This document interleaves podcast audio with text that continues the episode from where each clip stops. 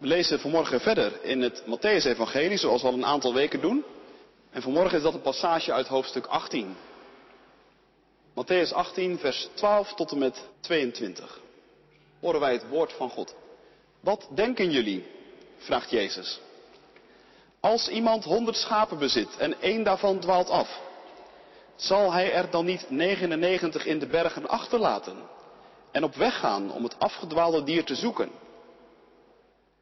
Als het hem lukt het te vinden, dan zal hij zich, dat verzeker ik jullie, over dat ene meer verheugen dan over de 99 anderen die niet afgedwaald waren. Zo is het ook bij jullie Vader in de hemel. Hij wil niet dat een van deze geringen verloren gaat. Als een van je broeders of zusters tegen je zondigt, moet je die daarover onder vier ogen aanspreken. Als ze luisteren, dan heb je ze voor de gemeente behouden. Luisteren ze niet, neem dan één of twee anderen mee, zodat de zaak zijn beslag krijgt dankzij de verklaring van tenminste twee getuigen. Als ze naar hen niet luisteren, leg het dan voor aan de gemeente. Weigeren ze ook naar de gemeente te luisteren, behandel hen dan zoals je een heiden of een tollenaar behandelt. Ik verzeker jullie, al wat jullie op aarde bindend verklaren, zal ook in de hemel bindend zijn. En al wat jullie op aarde ontbinden, zal ook in de hemel ontbonden zijn. Ik verzeker het jullie nogmaals. Als twee van jullie hier op aarde eensgezind om iets vragen, wat het ook is, dan zal mijn Vader in de hemel het voor hen laten gebeuren. Want waar twee of drie mensen in mijn naam samen zijn, ben ik in hun midden. Daarop kwam Petrus bij hem staan en vroeg, Heer, als mijn broeder of zuster tegen mij zondigt, hoe vaak moet ik dan vergeving schenken? Tot zevenmaal toe? Jezus antwoordde, niet tot zevenmaal toe zeg ik je, maar tot zeventig maal zeven. Tot zover het woord van God vanmorgen voor jou, voor u, voor mij. Gelukkig zijn we als we het woord van God horen, dat bewaren in ons hart en daar ons vertrouwen op stellen. Halleluja. Amen. Gemeente van Christus. Meten is weten, zeggen wij. En daarom wordt er in onze wereld heel wat afgerekend. Je kunt, jongens en meiden, eindeloos sturen naar je gemiddelde cijfers, zodat je precies weet wat je nog te doen staat om straks veilig over te kunnen gaan naar de volgende klas. Je kunt nauwkeurig wedstrijduitslagen bestuderen van je eigen team of van je favoriete club om erachter te komen wat nodig is om kampioen te worden. Of als het een jaartje wat minder gaat, niet te degraderen. Politici en beleidsmakers rekenen eindeloos aan ingewikkelde modellen over stikstofuitstoot bijvoorbeeld. Weerkundigen zijn in de weer met klimaatvoorspellingen en in de kerk worden ontwikkelingen in ledenaantallen en de opbrengst van de actie Kerkbalans ook elk jaar nauwkeurig gevolgd. Ik weet niet of het je opgevallen is, maar ook in Matthäus 18 wemelt het van de getallen. 100, 99, 1, 2, 3, 7, 70. Het komt allemaal voorbij. Maar waarom eigenlijk? Het koninkrijk van God hangt toch zeker niet aan elkaar van gemiddeldes, scores en rekenmodellen? Gelukkig niet. In het koninkrijk van God wordt niet gerekend, maar wel geteld. God telt. En hoe? Heeft God een voorkeur voor grote getallen? Wij denken dat snel. Een goede gemeente is een grote gemeente. 100, dat is toch wel het minste.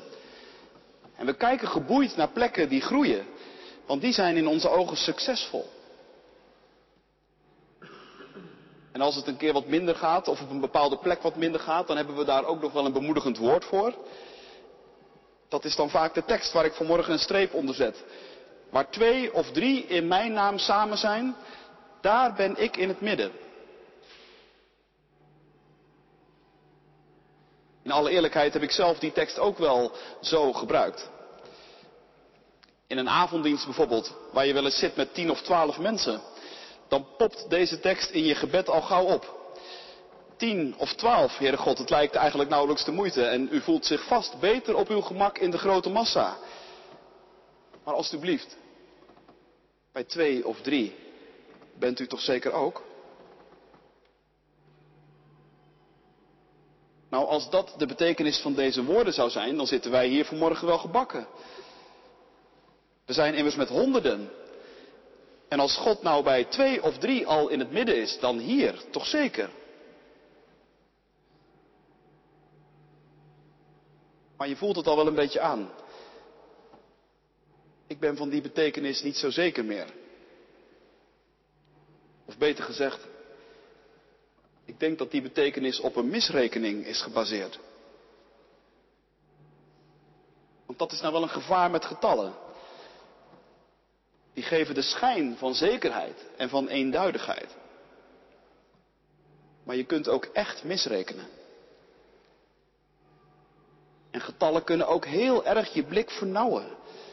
Of je ongemerkt een bepaalde kant op duwen. En getallen kunnen zomaar een bevestiging worden van alles wat je toch al dacht. Dat kan ook met een tekst als deze. Maar ik denk, er is iets anders aan de hand. Wat dan? Nou, deze woorden van Jezus staan in een heel bepaald kader. Als een van je broeders of zusters tegen je zondigt. Zo begint Jezus in vers 15. Met andere woorden, dat gebeurt dus. Daar moet je niet gek van opkijken dat dat gebeurt. En dat is slechts een kwestie van afwachten. Broeders en zusters in christelijke gemeenschappen, ook in die van ons, zondigen tegen elkaar. Ja. We doen elkaar tekort. We begrijpen elkaar niet. We maken keuzes waarbij we een ander in verlegenheid brengen. We hebben meningsverschillen. En ja, we maken soms ook gewoon ordinair ruzie. Samenleven als christenen in een gemeente is niet altijd roze geur en maneschijn. Dat is overigens geen bewijs van het feit dat de kerk niet deugt. Of dat het evangelie een vergissing is. Kerk is er niet om ons een leven te garanderen waarin nooit iets fout gaat. Er gaat altijd iets fout. Maar het punt is, wat doe je als er iets fout gaat? Daar gaat het Jezus om in dit stuk. De vraag is, hoe kunnen jou en mijn zwaktes, hoe kunnen onze ditjes en datjes omgevormd worden en veranderd en getransformeerd tot een venster op God? Hoe kan nou midden tussen al ons dagelijkse gedoe het evangelie zijn kracht laten zien en zijn werk doen? Daar gaat het om in dit stuk. En Jezus geeft een heel gedetailleerd plan. Dat gebeurt zelden. Dus blijkbaar staat er nogal iets op het spel. Ga erop af. Dat is het eerste. Als er iets is tussen jou en een ander, en die ander kan een gemeentelid zijn. Kan iemand zijn met wie je iets doet in een commissie. Kan de kerkraad zijn. Kan de voorganger zijn. Als er iets is tussen jou en een ander, hoe klein misschien ook, krop het niet op, maar ga erheen. Niet eerst bij een ander over die ander een beklag doen. Nee, zegt Jezus, hou het klein, onder vier ogen. En vraag aan die ander, kunnen we even praten? En als die dan ja zegt, dan zeg je iets als, joh, ik merk dat je altijd heel erg laat reageert op mails die ik je stuur. Dat, dat geeft me zo het gevoel dat ik er helemaal niet toe doe voor je. Of, joh, je sprak me laatst ergens op aan, maar je leek helemaal niet geïnteresseerd in hoe ik er naar kijk. Of, joh, als het hier en hier over gaat, dan hoor ik altijd zo'n verbeterd toon bij je naar boven komen. Waarom is dat eigenlijk? Of, joh, ik waardeer je duidelijke mening, maar ik vraag me af, is het ook denkbaar voor je dat je het zelf een keer bij het verkeerde eind hebt?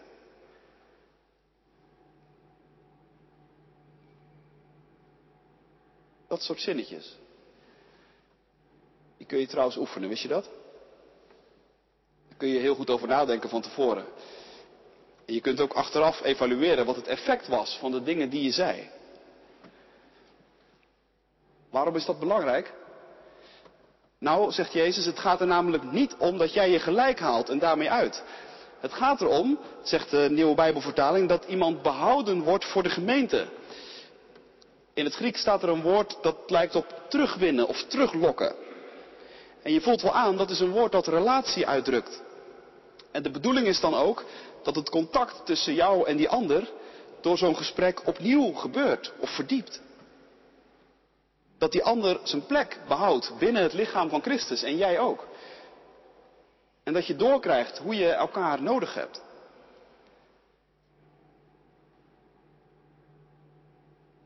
Maar soms, soms loopt het toch anders, ondanks je goede bedoelingen.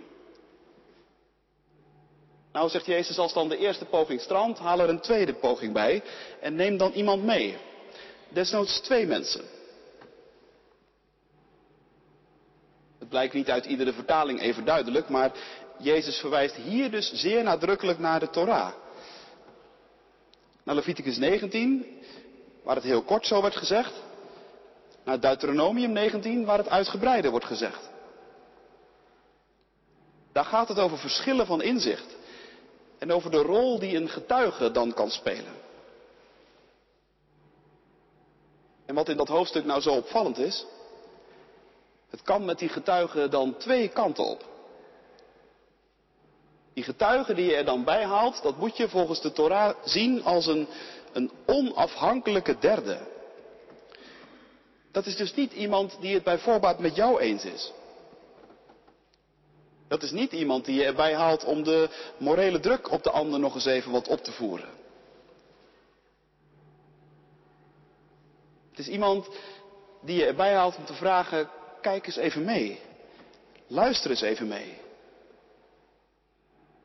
En dan kan het ook gebeuren dat die getuige jullie aanhoort en dan tegen je zegt, joh, in alle eerlijkheid, ik geloof gewoon niet dat dit een belangrijk punt is. Jullie verschil van mening zou niet zoveel energie moeten vragen. Stop hier gewoon mee. Of die getuige kan zeggen, ik begrijp je punt.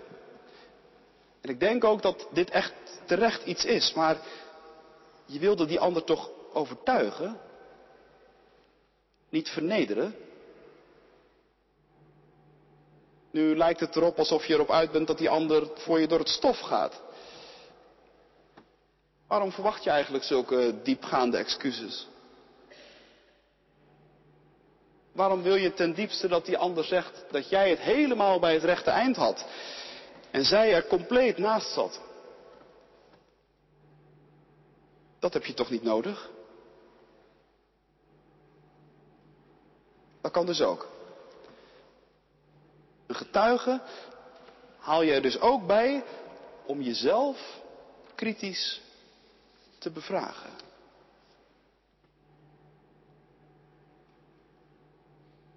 Maar stel nu, zegt Jezus, dat je nog steeds vindt dat je een punt hebt. Je hebt een onafhankelijke getuige erbij gehaald, die vindt dat ook. Maar de ander blijft ontkennen. Of jou zelfs een beetje het gevoel geven dat je wat belachelijk bent en zo. Nou, zegt Jezus, dan trek je de kring nog wat breder. Dan maak je je punt in het openbaar. Tijdens een gemeenteavond of zo. En let wel, dan nog steeds is het geen kwestie van winnen of verliezen. Van gelijk hebben of geen gelijk hebben. Het gaat om de relatie. Je wilt met elkaar bereiken dat die ander zegt, dank je. Zo had ik het nog niet gezien. Of, ik ben blij dat je dit zegt. Wil je me helpen en de tijd geven om te kunnen veranderen?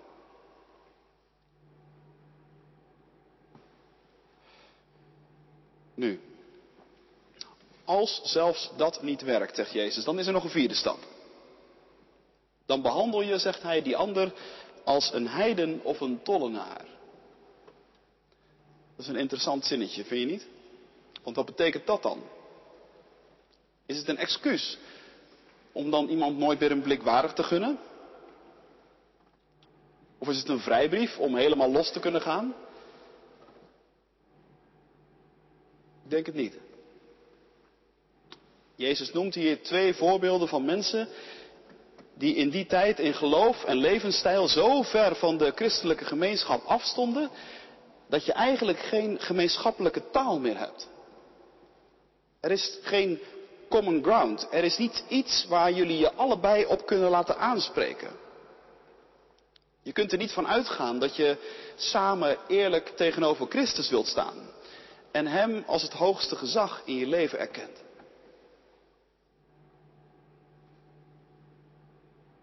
Hier is meer nodig. Meer nodig dan overtuigen. Hier is misschien wel meer nodig dan wij één op één, of één op twee of drie, of in een groep onder elkaar kunnen bereiken. De heiden en de tollenaar. Dat zijn precies de mensen die Jezus zelf in het evangelie het liefste opzoekt. Ik denk dat kan geen toeval zijn.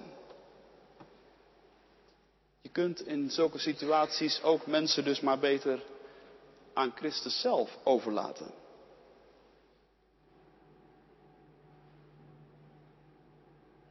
Nu ja,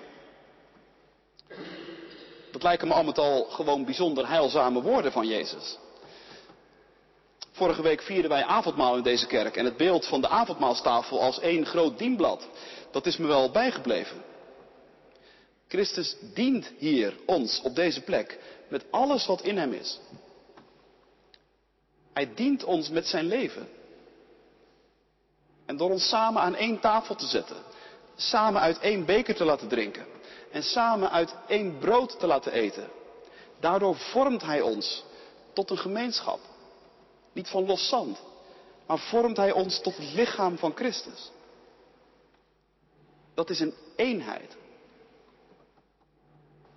En die eenheid, zegt het avondmaalsformulier, die moeten we nou niet alleen maar met mooie woorden, maar ook met daden aan elkaar bewijzen. Wat voor daden dan? Nou, dit bijvoorbeeld. Hier heb je het.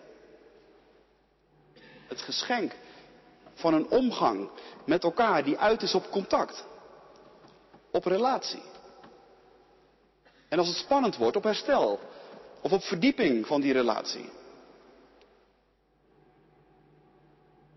Dat zijn zulke daden. En zulke soort confrontaties, hoe klein ook, die doen ertoe. Dit soort gesprekjes en dit soort ontmoetingen, die doen ertoe. Ze bouwen de kerk. Ze vormen je karakter. Ze doen je groeien in geloof. En ze zorgen ervoor dat het evangelie een levende werkelijkheid is in je leven. En als je dat nog niet genoeg vindt, dit soort ontmoetingen hebben ook nog eens betekenis, zegt Jezus, voor God. Hij spreekt over de relatie tussen de aarde en de hemel. Hij heeft het over vastbinden en over losmaken. Ook weer van die relatie, van die verbindingswoorden. Want ja, soms houden we elkaar in de tang in de kerk. En zitten we vast en komen we niet verder. En moeten we praten. Moeten we losmaken. Om opnieuw de ruimte en de vrijheid van het evangelie te ervaren. Soms leven we langs elkaar heen en passeren we elkaar als schepen in de nacht. Blijken we elkaar uit het zicht te verliezen en moeten juist aangehaald en gebonden worden.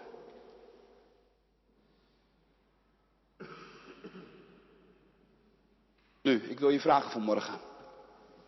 Bedenk voor jezelf nu eens waar je dit ziet gebeuren. Hier in deze kerk. Zijn er thema's of vraagstukken wat u betreft of wat jou betreft, waarop we elkaar aan het kwijtraken zijn? Of zie je juist thema's waarop we elkaar te strak aan het lijntje houden?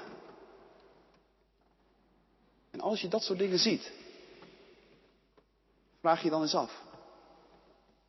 Ben ik misschien degene die moet zeggen, kunnen we hierover praten?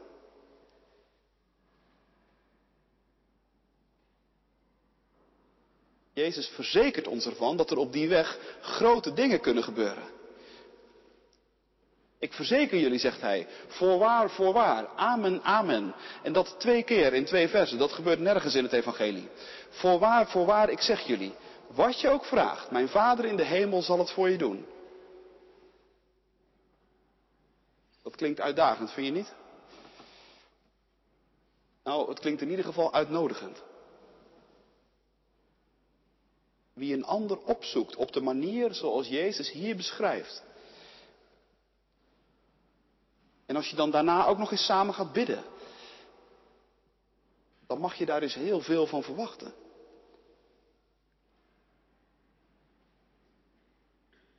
Twijfel je of je de goede woorden hebt om je punt duidelijk te kunnen maken? Vraag erom. Heb je de moed nodig om iemand recht in de ogen te kijken en te zeggen: Sorry, het spijt me? En vind je dat moeilijk? Vraag erom. Heb je tijd nodig om te veranderen? Vraag erom. Heb je geduld nodig om het uit te houden met een moeilijke situatie of met een moeilijk iemand? Vraag erom. Heb je vrienden nodig om je te ondersteunen? Vraag erom. Heb je misschien wat humor of wat lichtheid nodig? De goede tone of voice, heel belangrijk. Vraag erom. Want waar twee of drie mensen zo in mijn naam samen zijn, daar ben ik zelf in het midden, zegt Jezus. Twee of drie. Je voelt wel, die woorden hebben dus helemaal niets te maken met de omvang van een christelijke gemeenschap. Het is bepaald geen kwestie van aftellen. Zo van, we zijn helaas nog maar met amper twee of drie. Maar gelukkig, er bestaat nog steeds een kans dat Christus in ons midden is. Nee, het is veel meer een kwestie van optellen. Eerst was er die ene, met wie je eigenlijk in gesprek zou moeten. Maar hij was alleen en jij was alleen. En jullie passeerden elkaar lange tijd als schepen in de nacht. En toen nam je het initiatief om hem of haar op te zoeken en te zeggen, kunnen we misschien even praten? Vanaf dat moment waren jullie samen. Toen bleek er nog een derde nodig om voor beide partijen hier en daar het een en ander te verduidelijken. En waren jullie met z'n drieën. Gaandeweg kreeg je al pratend meer en meer oog voor elkaar. Lukt het om elkaar in het hart te kijken? Kreeg je ook zicht op je eigen blinde vlekken en tekorten? Samen gingen jullie in gebed. En je merkte, hij is erbij. Christus is in ons midden.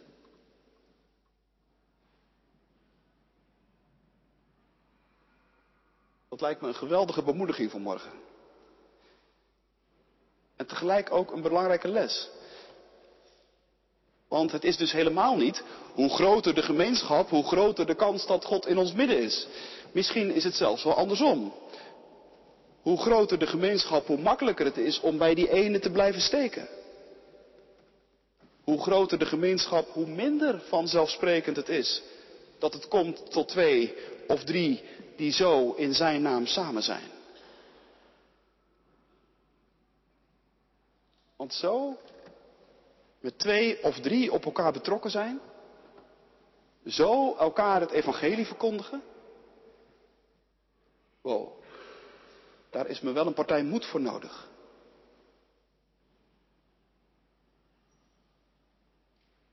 Vandaar dat dat zinnetje, daar ben ik in het midden, zo'n ontzettende bemoediging is. Want dit soort ontmoetingen van twee of drie in zijn naam, dat is precies waar Jezus voor gekomen is. Dat is waarvoor hij heeft geleden. Dat is waarvoor hij is gestorven. God zelf is dit soort ontmoetingen niet uit de weg gegaan. Dat had hij best kunnen doen. Hij had ons en onze wereld ook rustig op zijn beloop kunnen laten. Maar dat deed hij niet. God nam Adam al apart. Adam, waar ben je? En Abraham. En Mozes en David. En Elia, waar het vorige week over ging. De Bijbel staat vol met dit soort ontmoetingen onder vier ogen tussen God en de mens. Zacchaeus in de boom. Kom eens hier, Zacchaeus, ik moet vandaag bij jou zijn. Want in Jezus deed God dat dieper dan ooit. Kwam Hij nog meer dan ooit oog in oog met ons te staan. En zei Hij tegen ons, waar ben je? Wat doe je hier? Kunnen we praten?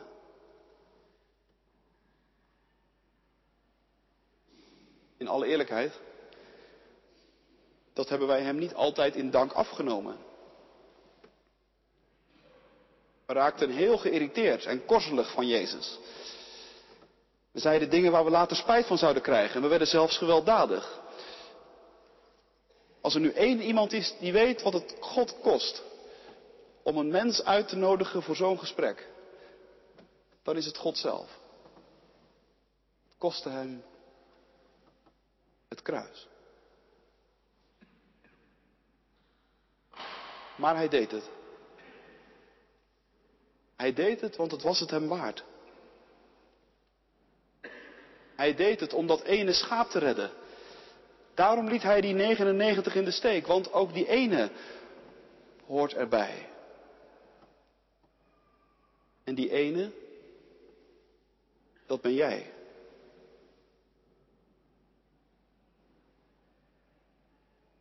Je dat beseft, dan krijg je ook een glimlach om je mond van die vraag van Petrus aan het einde. Hoe vaak mag mijn broeder of zuster eigenlijk tegen mij zondigen? En hoe vaak moet ik hem dan vergeven? Zeven keer? Dat is toch al heel wat, denkt Petrus. Ik krijg nu vast een compliment. Nee, lieve Petrus. Zeventig maal. Zevenmaal. Amen.